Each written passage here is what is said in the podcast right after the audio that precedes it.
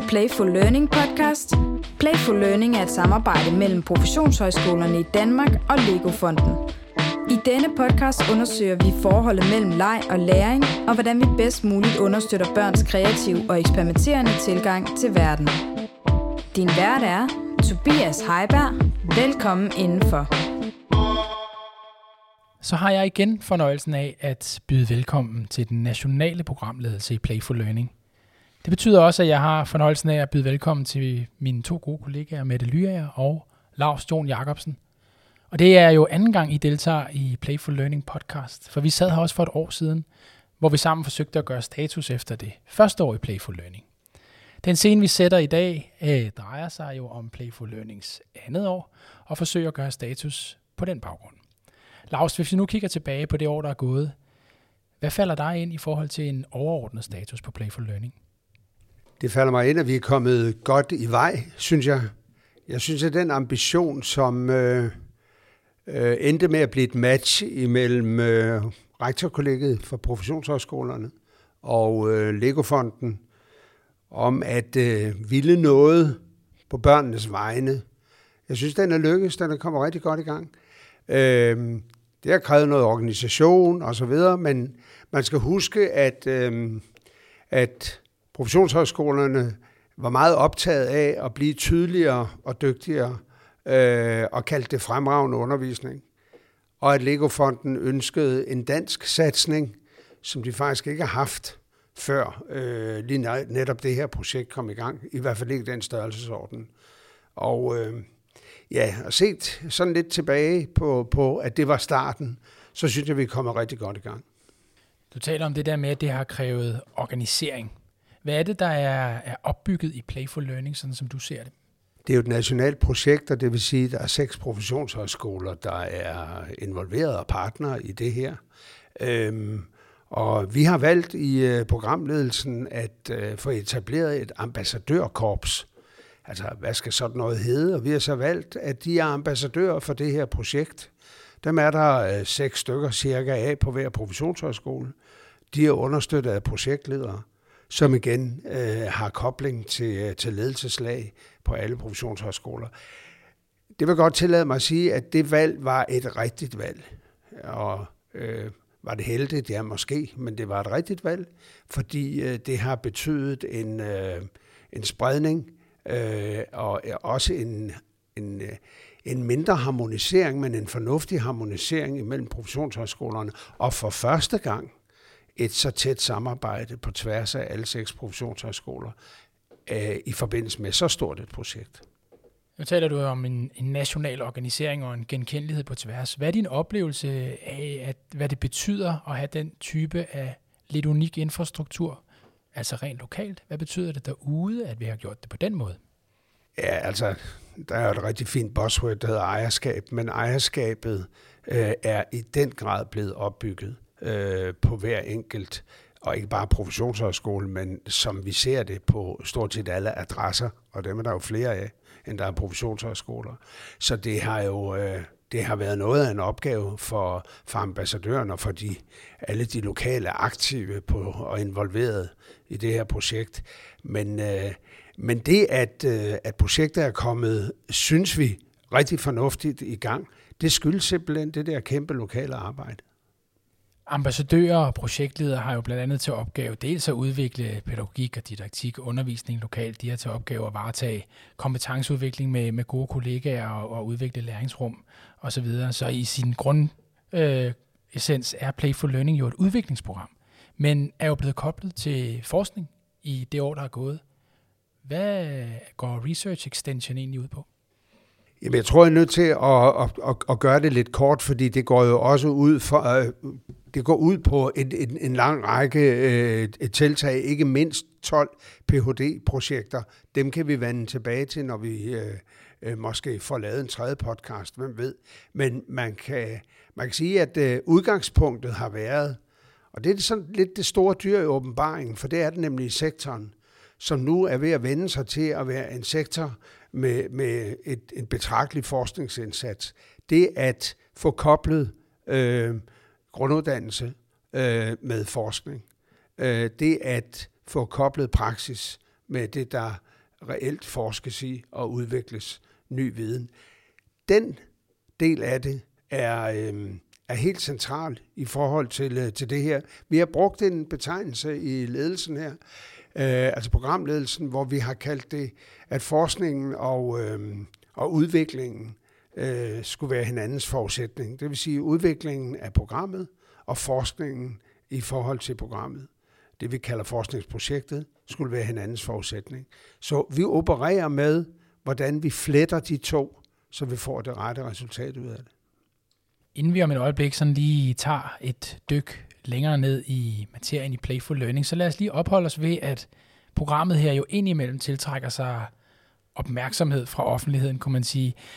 Lars, hvad tænker du om, at professionshøjskolerne på den her måde har indgået et partnerskab med så stor en fond som, som Lego-fonden, et samarbejde, der indebærer armslængde, men når det opmærksomhed melder sig, hvad, hvad er det egentlig dine tanker om den type af partnerskab?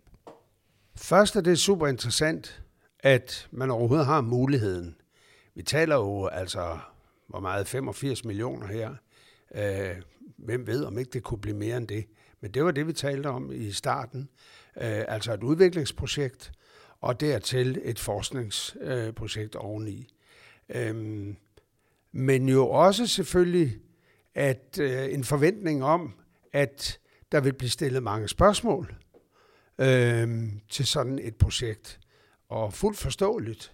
Altså det er klart, at øh, øh, vi havde forventet, og, og sådan øh, er det også blevet, at der vil være diskussion om, hvordan arbejder man sammen med en fond som Legofonden og andre fonde, som jo har pengene i øjeblikket, også meget interesseret i interessante projekter, men hvordan fastholder man sin integritet? Hvordan øh, arbejder man med armslængde? Hvordan gør man det her til, for nu igen at bruge et andet buzzword, samskabelse, ja, og ikke et, øh, en opgave, som er pålagt en om at gennemføre det ene eller det andet. Øh, og her vil jeg sige, at, øh, at det her projekt, det lykkedes øh, øh, til overflod. Øh, jeg synes, at øh, den ramme, der er blevet givet os, og det første års erfaringer viser også, at der er øh, i den grad armslængde, at det er et udviklingsprojekt, som øh, Lego-fonden er med til at finansiere. Øh, det her med at arbejde med leg i fagligheden og faglighed i lejen, det er noget, der interesserer både Lego-fonden og os. Men det er ikke Lego-fonden, der dikterer, hvad udkommet skal blive af det her. Det er det, vi arbejder øh, benhårdt i et, øh, et udviklingsprojekt og et forskningsprojekt om. Med det, da vi sad sammen i det her regi sidst og optog den første episode af Play for Learning podcast, der talte vi en del om, at vi endnu ikke havde ret mange svar på, hvad playful learning er. Er vi nu kommet tættere på en række svar? Vi er helt klart kommet tættere på en række svar, og når vi var meget optaget af ikke at give de svar allerede i sidste år, så var det jo fordi, at den undersøgelse og den søgen efter de svar skulle vi jo gøre sammen med nogen, nemlig øh, alle de undervisere, som var tilknyttet, de ambassadører, projektledere og ledere, der var tilknyttet projektet. Og det har vi jo brugt det, det sidste år på at undersøge ved at eksperimentere øh, med at få en masse erfaringer i stort set alle dele af både pædagog- og lægeuddannelsen, om det er praktikken, om det er bachelor, om det er matematik, eller det er pædagogens grundfaglighed. Øh, vi har været rundt øh, i hele uddannelsen og fået en hel masse erfaringer på baggrund af det. Vi er jo ikke i mål. Vi er ikke færdige med den undersøgelse. Den skal fortsætte, og der skal involveres endnu flere i den fremadrettet. Men vi ved mere nu, end vi gjorde for et år siden. Øhm, og man kan sige, at en af de måder, vi har forsøgt at indfange, hvad kan en mere lejende tilgang til læring og til undervisning være, øh, det er ved at prøve at beskrive nogle principper for, hvad er det, der vi tror på, kan være med til at styrke en mere lejende tilgang. Vi har ikke lavet en instruktion, vi har ikke lavet en guidebog, for det, som Lars siger, så er det ikke det, der er vores opgave. Vores opgave det er at facilitere en proces, hvor vores undervisere faktisk kan ligesom arbejde det frem. Og jeg tror faktisk, det er ret præcist, at for et år siden, hvor vi havde en 50 øh, undervisere og ledere til at ligge på et gulv på en idrætssal, en idrætssal på en af professionshøjskolerne, for at sætte ord på når vi kigger tilbage på den undervisning, vi synes har været eksemplarisk eller er lykkedes i forhold til at være mere lejende sammen med de studerende, hvad er det så for nogle kvaliteter, der har karakteriseret den måde, vi har undervist på? Den didaktik, vi har arbejdet med. Og der kom jo, altså, de skulle sætte et ord på hver papir, og hele gulvet flød jo med forskellige kvaliteter. Og opgaven var så at prøve at klynge nogle af de her kvaliteter og sige, er der noget af det her, der er beslægtet, der er i familie med hinanden? Og ud fra den sådan bottom-up proces, fik vi faktisk ved, dagen, ved, ved enden af dagen 10 principper formuleret omkring, hvad der var en mere lejende tilgang til læring. Og det har vi arbejdet med i løbet af efteråret, sidste efterår var det så, da vi var fremme i december i 19, der havde vi faktisk tre principper, som vi, som vi var fælles om at have skabt og have udviklet, og sagt, det her det er noget af det, der pinpointer noget af det, vi på nuværende tidspunkt tænker karakteriserer en mere lejende tilgang til læring. Øh, og det skal jo laves, arbejdes videre med. Der er flere undervisere, der har været involveret siden da, og de vil sikkert også udfordre de principper, men de har i hvert fald været ved at arbejde med dem, og vi skal kigge på dem igen her i løbet af efteråret, øh, og kommer måske ud med en, en ny udgave øh, inden året om. Så det du taler om er jo i høj grad en udviklingsmetodik, der benytter sig af det, man kunne tale om nedefra og op. Øhm, sådan en metodik, altså en udviklingsmetodik i en, i en version 1.0, hvordan tager den så egentlig ud? Selve den måde, vi arbejder på, kan man sige, der har vi jo, altså undervisere har jo udviklet deres undervisning altid. Øhm, og de har også gjort det sammen, og de har også i høj grad gjort det hver for sig. Hvis vi skal gøre det sammen, og det er jo egentlig det, der er noget af vores ambition, det er at udnytte det, at vi er mange om det her, og vi kan lære noget af hinanden på tværs af professionshøjskolerne i Danmark, på tværs af lærer- og pædagoguddannelsen, så skal vi også have et fælles sprog så skal vi på en eller anden måde have en fælles puls i den måde, vi arbejder med vores undervisning og udvikling af vores undervisning. Så derfor har vi sat sådan en ramme op, kan man sige, for den øh, udviklingsmetodik, øh, som har sådan tre, tre forskellige arenaer, vi arbejder med, så vi er nogenlunde sådan på samme banehalvdel, når vi, når vi, når vi udvikler vores undervisning. Og det hedder try, type and tell. Og try, altså den fase, den arena, hvor man ligesom gør noget, handlingsarenaen, der hvor man prøver noget af, eksperimenterer med sin undervisning, kaster sig ud i det. Du behøver ikke at have læst en masse teori, eller du behøver ikke at vide, hvad leg betyder i forskellige te- teoretiske perspektiver, overhovedet ikke. Du skal undersøge, hvad fungerer sammen med dine studerende.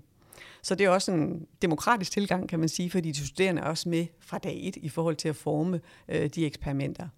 Men det er selvfølgelig ikke nok at prøve sig frem. Man er også nødt til at reflektere over og kunne begrunde, hvad er det for, hvorfor gør jeg det så på den her måde? Så vi har altså også den her type, det dækker i øjeblikket over den der mere reflekterende arena, hvor vi sammen med, hvor man sammen med sine kolleger overvejer, hvad var det ved det her, der gjorde? Hvad er det for nogle forståelser, der ligger bag den didaktik? Hvorfor har jeg valgt lige præcis de her greb for at nå til en mere lejende tilgang?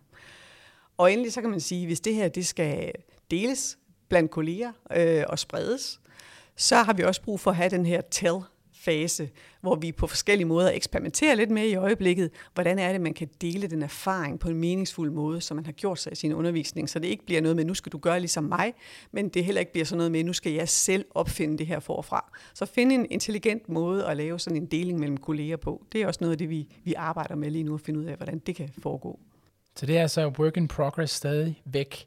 Når, øh, når vi ser tilbage, så er der jo i hvert fald fra mit udsigtspunkt ikke nogen tvivl om, at Playful Learning ikke som sådan er noget koncept. Og det er jo i virkeligheden også det, I, I begge to beskriver. Når man ser på leg og læring, og måske ser legebegrebet som, som fænomen, så er der sådan to skoler, man måske lidt sort-hvidt kunne skitsere, hvor den ene er meget tilhænger af den frie leg, og hvor den anden måske ser lejen som et element i det med at, at lære eller at udvikle. Hvor befinder Playful Learning sig henne i det kontinuum, jeg prøver at skitsere der? Ved vi mere om det nu, end vi gjorde tidligere?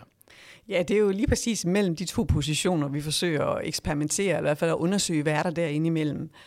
Øhm, den frie leg er jo ekstremt fascinerende, når den udfolder sig Øh, både blandt børn og unge og voksne. Øh, der er noget øh, enormt stor inspiration at hente der. Altså, vi ser jo gerne studerende, som, som gør noget af det, som børn også gør, eller voksne gør, når de leger, at de er opslugte, de er optaget, de kan slet ikke holde op igen med at undersøge, med at forestille sig noget sammen, med at opbygge nogle nye universer, ved at tænke ud, over, ud af boksen og blive ved, fordi de giver mening for dem. Den slags studerende, den slags læreprocesser vil vi jo gerne have. Men vi er i en uddannelseskontekst, så man kan sige, hvis fri leg har en plads, så er det fordi, det er tænkt ind i en didaktisk ramme. der vil altid være et, et, et formål med den måde, som vi arbejder med, med det lejende, som vi jo benævner det mere end lejen, det lejende på. De kvaliteter, der er i lejen, er jo med til at udfordre os ekstremt meget. Den uforudsigelighed, der er i lejen, den insisterer på, at noget er meningsfuldt, øh, er jo en kæmpe udfordring for en uddannelsesinstitution. Hvis vi skal lave undervisning, der ligesom kan indfri de kvaliteter, der ligger sig op af de kvaliteter, så skal vi jo virkelig til at tænke over, hvordan vi gør, og på, måske gøre det på nogle helt nye måder, nogle andre måder. Så jeg tænker, nej, det er ikke fri leg. Hvis vi har fri leg i øh, uddannelsesinstitutionerne, så er det fordi, det har et didaktisk formål. Og så kan man jo allerede, så vil nogen jo sige, så har vi allerede ødelagt den frie leg. Det er det lejende, det er lejens kvaliteter, som vi gerne vil lade os inspirere og udfordre af. Hvis vi bruger lejens kvaliteter som stikord, så kunne man jo godt spørge sig selv, men med det store partnerskab, som Lars introducerer her i begyndelsen af, episoden, så kunne man jo godt tænke sig at vide, hvad kommer der egentlig ud af det? Så når vi ser professionsuddannelse i pædagog- og læreruddannelse udfolde sig med lejens kvaliteter, ved vi noget om, hvad resultaterne af den tilgang er indtil videre? Vi ved noget om det. Vi ved selvfølgelig både noget om det for dem, der direkte er involveret i det og kan give udtryk for det, altså dem, der er involveret i programmet, og den store begejstring, tør jeg godt sige, der er blandt de folk, som de underviser, fordi de her får lov til at udvikle deres praksis øh, simpelthen på egen hånd og sammen med kolleger og sammen med de studerende. Men vi ved også noget om det, fordi der er også andre, der har set på os. Rambøl følger jo det her program, og det er vi rigtig glade for, fordi så er det ikke kun vores egne umiddelbare oplevelser øh, af, hvad der sker, men der er faktisk også nogen, der har været ude og undersøge det. Og den første sådan baseline, som Rambøl har lavet, øh, siger noget om, at de studerende, der har været involveret i undervisning, som har nogle lejende kvaliteter, er der en tæt kobling til deres engagement og deres motivation og deres glæde, deres studieglæde. Og det tænker jeg i sig selv er en rigtig, rigtig interessant ting i en verden, en uddannelsesverden, som jo også kæmper med studieglæde og med studieintensitet og den type ting. Så lejen, de lejende kvaliteter kan noget, om det så også fører til en øget, altså en dybde læring eller en anden type læring end traditionel undervisning, det ved vi ikke helt endnu. Det bliver jo spændende at følge. Og en, en anden kvalitet, vi også ved, der er øh, ved den her tilgang, det er faktisk, at undervisernes egen arbejdsglæde også stiger ved at være, ved at være med og ved at skulle udfordre sig selv og udfordre hinanden og tage magt over undervisningsrummet på den måde, at de faktisk tør frigøre sig fra noget af den, de, de vaner, de har, de måder, de er vant til at undervise på. Øhm, så det er vi jo altså, rigtig glade for at også have Rambøl med til at kigge fra siden af, hvad er det, det her det faktisk kan. De elementer, du nævner her, kan man jo læse en hel del mere om i Playbook 1, som den hedder, som vi har udgivet på baggrund af de erfaringer, vi lige har siddet og talt om. Den er både på dansk og engelsk og kan findes på Playful Learnings hjemmeside. Lars, hvis vi øh, vender blikket fra at have set lidt tilbage, og nu prøver at se fremad, og måske ser langt frem helt ind i 2021, hvad er det så, vi kan forvente af Playful Learning? Hvad skal der ske fremadrettet i programmet? Jeg tror, man skal, vi skal starte med at, at lige tage temperaturen, som vi også har gjort her på, på det seneste år, men hvis vi sådan tager den lige her nu, hvordan, øh, hvordan har øh, professionshøjskolerne med projektet, hvordan har Legofonden det med projektet? Og øh, jeg tror, man kan sige, at fra begge parters side er der stor interesse for at, øh, at tænke videre. Øh, det var der allerede i det allerførste partnerskab, der blev lavet. Allerførste, så lang tid er det jo ikke siden, men det, det var det jo, øh, som havde sådan det lange lys på også.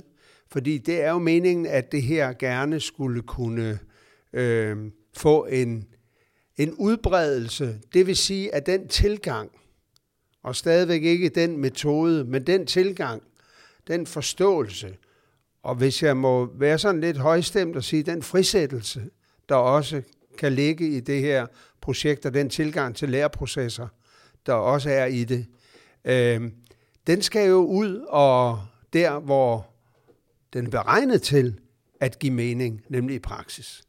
Og det vil sige dagtilbud og i skoler. Og det er den næste fase. Derfor skal vi jo ikke stoppe med at, øh, at løfte øh, og arbejde med kapacitetsudvidelse øh, i grunduddannelserne. Det er bare super vigtigt, men, øh, men det er jo det enkelte dagtilbud, og det er den enkelte skoleklasse, vi i virkeligheden elev, barn, vi har for øje her. Og øh, det snakker vi simpelthen om, også for tiden. Hvad er om man så må sige, er der noget, der hedder Play, Playful Learning 2, øh, og det får vi se. Men mit bud er, at øh, det får vi at se, at, øh, at vi får lavet en, øh, en, en aftale, som rækker længere, øh, fordi øh, ja, det er det her fortjent, og som vi indledte med at sige, mener faktisk, vi er rigtig godt på vej. Og med den cliffhanger vil jeg gerne sige uh, tak til dig, Lars, og til dig, Mette. Den her episode af Play for Learning podcast, den var tilrettelagt og redigeret af Signe Lehmann.